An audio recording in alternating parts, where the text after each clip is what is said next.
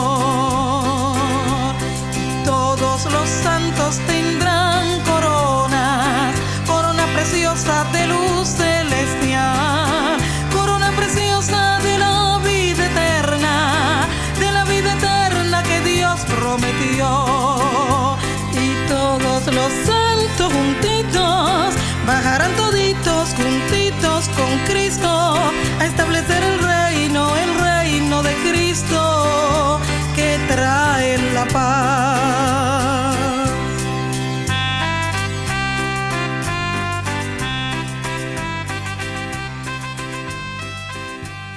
Ya los tiempos están cumplidos. La hermana Belkis Rodríguez cantaba esta canción que es muy actual hoy en día. Estamos viendo como el mundo entero está entrando en una nueva época y lo que vemos de verdad son profecías bíblicas que se están cumpliendo.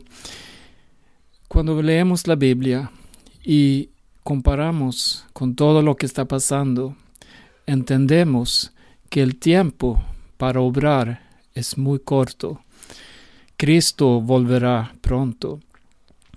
Yo voy a leer algunas citas bíblicas y vamos a tocar este tema. Cristo volverá pronto. Vamos a comenzar una lectura en Mateo capítulo 24. Aquí Jesús está con sus discípulos y eh, ellos, claro, estaban preocupados porque Jesús había hablado de que Él va a morir, va a ser sacrificado. Y claro, todo esto era muy difícil para los discípulos y incluso ellos habían depositado toda su confianza en Jesús, todo su futuro, su esperanza, y estaban viviendo debajo del imperio romano. Los yugos de los romanos no era fácil, no. Pero Jesús, Él amaba mucho a sus discípulos, les estaba preparando, no les daba esperanzas falsas, no hablaba de un futuro diferente, sino él hablaba y decía lo que también los discípulos en su tiempo iban a pasar, porque Jesús era de otro mundo. Él pertenecía a otro reino. Mi reino no es de este mundo. Y no hay nada en este mundo que me pertenece a mí. Eh, en este momento ahora, estaban sentados en el monte de los olivos y los discípulos se le acercaron aparte y dijeron así, dinos, ¿cuándo serán estas cosas? ¿Y qué señal habrá de tu venida y del fin del mundo? Respondiendo Jesús les dijo, mirad que nadie os engañe porque vendrán muchos en mi nombre diciendo, Yo soy el Cristo, y a muchos engañarán. Y oiréis de guerras y rumores de guerras. Mirad que no os turbéis, porque es menester que todo esto acontezca, pero aún no es el fin, porque se levantará nación contra nación y reino contra reino y habrá hambres y pestilencias y terremotos en muchos lugares. Y todo esto será principio de dolores. Entonces os entregarán para ser atribulados y os matarán, y seréis aborrecidos de todas las naciones por causa de mi nombre. Entonces muchos se escandalizarán y se entregarán unos a otros, y unos a otros se aborrecerán.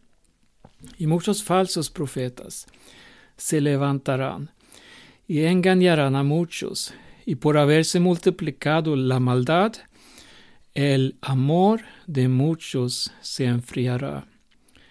Mas el que perseverare hasta el fin, éste será salvo.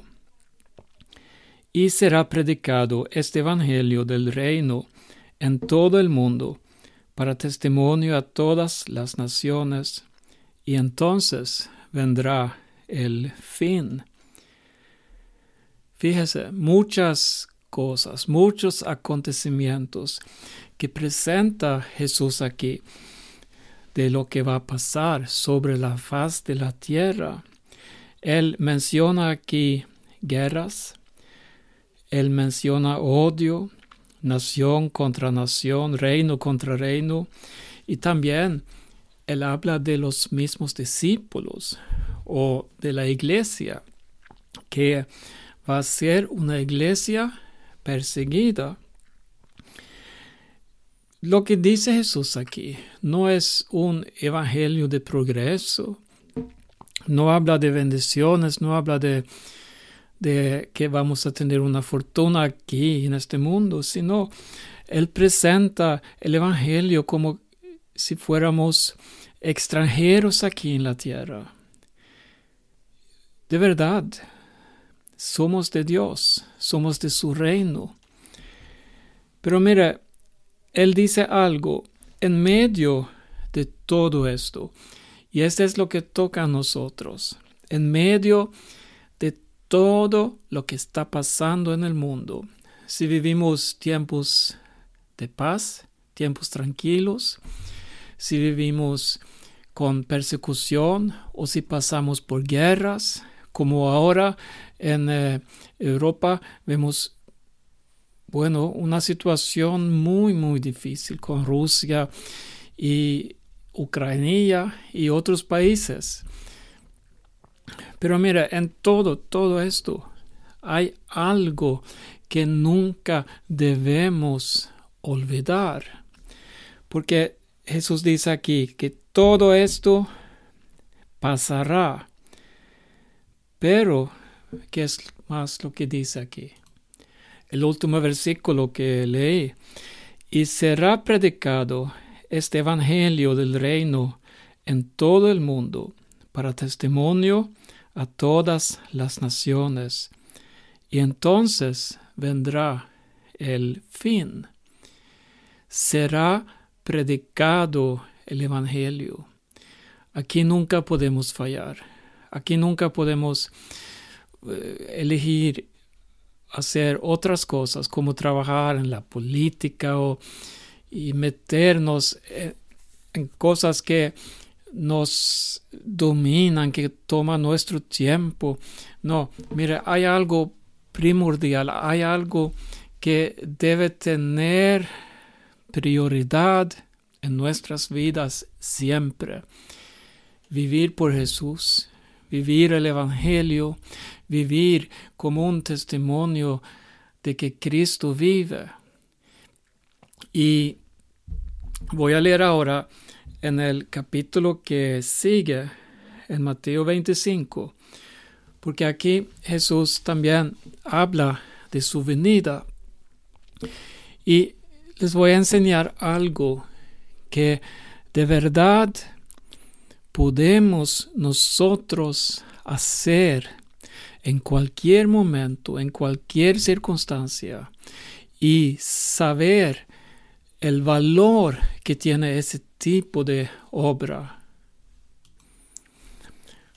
El capítulo 25 eh, comienza con la parábola de los diez vírgenes y habla de medianoche, o sea, se entiende que trata de un tiempo final y la venida del Señor. También en este capítulo vemos otra parábola de unos que recibieron talentos, unos siervos, y cómo debían usar estos talentos para servir al Señor y para hacer lo que eh, le correspondía. ¿Y qué es lo que nos corresponde a nosotros? Bueno, nuestras vidas deben llevar fruto, de verdad. Y en el final del eh, capítulo, vamos a leer aquí en el versículo 31, Mateo 25 y 31. Cuando el Hijo del Hombre venga en su gloria y todos los santos ángeles con él. Escucha aquí, lo que vamos a leer ahora está conectado con su venida, cuando Él volverá en gloria junto con sus ángeles. Mire, Jesús estaba sentado en el monte de los olivos cuando daba esta enseñanza. Y sabemos que fue de ese monte que Él fue alzado al cielo. Y los ángeles decían que así mismo como lo han visto salir, o sea, ser llevado, ser alzado, así mismo lo verán, volverá a esta tierra. Llegará este momento cuando Jesús, como dice aquí, volverá en su gloria y todos los santos ángeles con él. Entonces se sentará sobre el trono de su gloria. Qué día maravilloso. Qué día tan grande.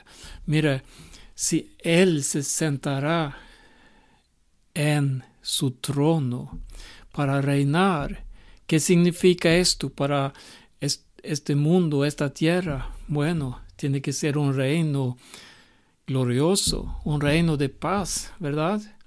Con el mismo Señor Jesús ahí.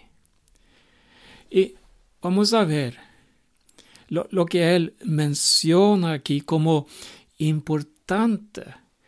Vamos a ver lo que es de prioridad en nuestras vidas.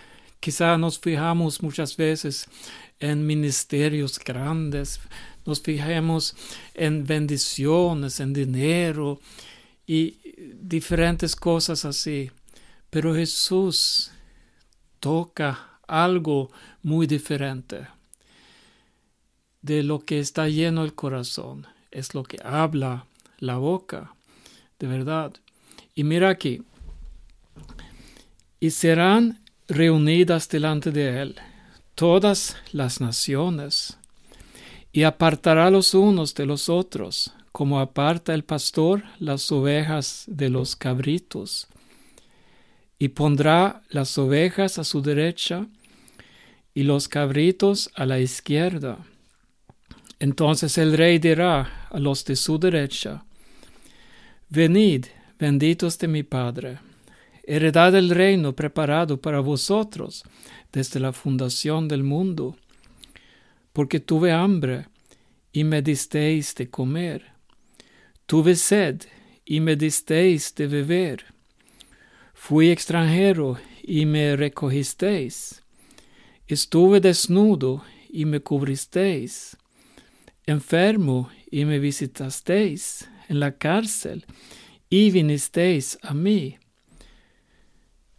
Mira, dice aquí que ellos, este grupo, hicieron todo esto con Jesús. Entonces los justos le responderán diciendo, Señor, cuando te vimos hambriento y te sustentamos, o sediento y te dimos de beber, y cuando te vimos extranjero y te recogimos, o desnudo y te cubrimos? ¿O cuando te vimos enfermo en la cárcel y venimos a ti? Y respondiendo el rey les dirá, De cierto os digo, en cuanto lo hicisteis a unos de estos mis hermanos más pequeños, a mí lo hicisteis. Aquí habla de los tiempos finales, recuerda esto. Los tiempos finales, llenos de problemas, guerras, conflictos, injusticia y todo esto. Las, eh, eh, las tormentas, o sea, los fenómenos de la naturaleza que, que también es un, una amenaza para el mundo. Sabemos los problemas del clima y todo esto. Pero mira, aquí Jesús dice, recuerden que este trata de los tiempos finales.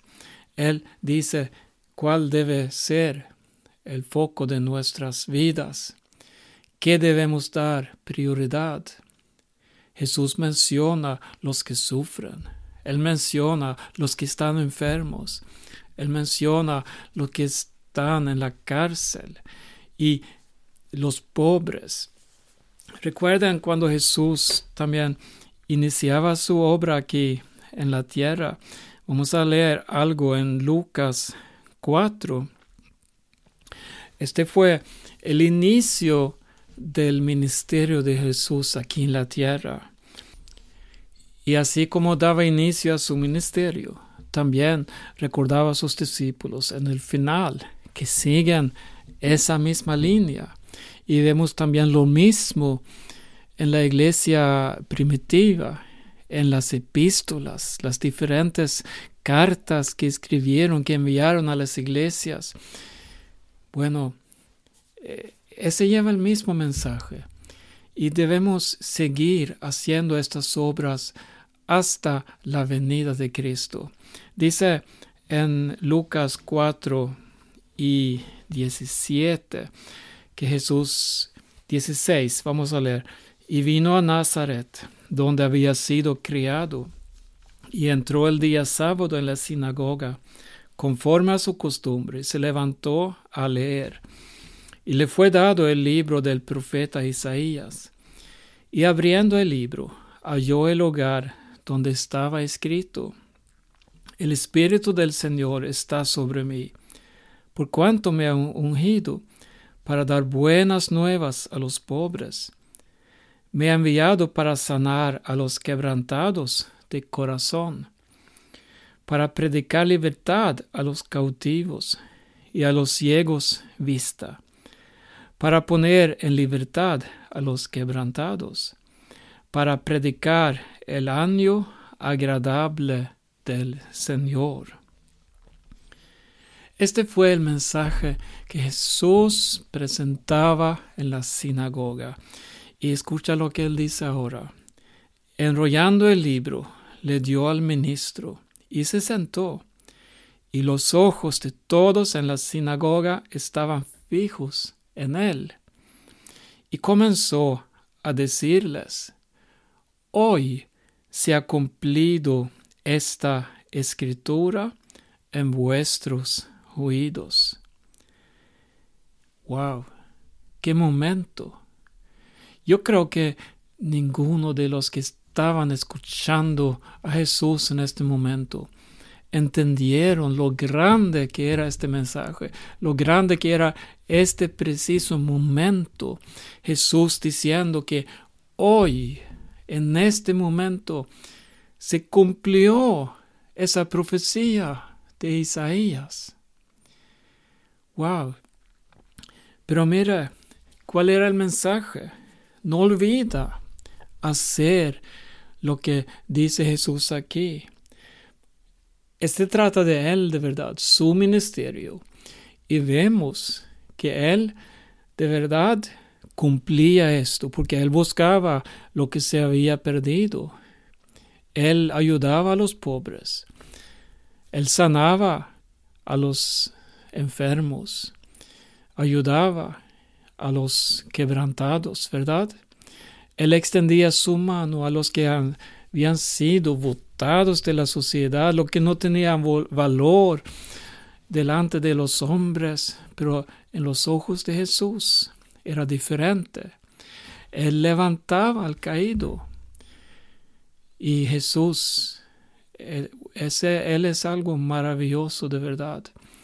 Asimismo, Él quiere que nuestras vidas sean iguales, que haya también en nosotros este mismo sentir que hubo en Cristo Jesús. Vamos a volver al monte de los olivos. En el día cuando Jesús estaba otra vez con sus discípulos, ya había muerto, ya había sido crucificado y al tercer día resucitó de los muertos y entonces mandó eh, a decir a sus discípulos que él iba a reunirse con ellos. Estaban otra vez en el monte de los olivos. Ahora el Jesús, el Cristo resucitado en el medio de estos discípulos renovados que, que otra vez habían sido llenos de esperanza y fe. Aleluya, Cristo estaba otra vez con ellos y ahora les hablaba en una forma nueva, con un mensaje que también les daba ánimo para seguir hacia adelante. Cristo murió, pero resucitó. Entonces hay esperanza, hay poder de resurrección. Vamos adelante. Pero mira, como quiera, los discípulos estaban enfocados en, en el reino, pensando en el regreso de Jesús. Sabían que Él les iba a dejar ahora, que iba a volver a su Padre. Pero dice así, su pregunta en eh, eh, los Hechos, capítulo 1, vamos a leer ahí del versículo 6. Entonces los que se habían reunido le preguntaron, diciendo, Señor, ¿restaurarás el reino a Israel en este tiempo? Esta era su preocupación. Pero Jesús dijo, no toca a vosotros saber los tiempos o los, las sazones que el Padre puso en su sola potestad. Pero recibiréis poder cuando haya venido sobre vosotros el Espíritu Santo, y me seréis testigos a la vez en Jerusalén, en toda Judea, en Samaria y hasta lo último de la tierra. Y habiendo dicho estas cosas, viéndolo ellos, fue alzado, y una nube lo recibió y lo encubrió de sus ojos. estando ellos con los ojos puestos en el cielo, entre tanto que él se iba, He aquí dos varones en vestiduras blancas se pusieron junto a ellos, los cuales también les dijeron, varones galileos, que estáis mirando al cielo, este mismo Jesús que ha sido tomado de vosotros al cielo, así vendrá como lo habéis visto ir al cielo. Jesús dijo, serán llenos del Espíritu Santo. Entonces ellos se quedarían en Jerusalén esperando el cumplimiento de esta promesa. Y en el día de Pentecostés estaban ellos todos unánimes reunidos.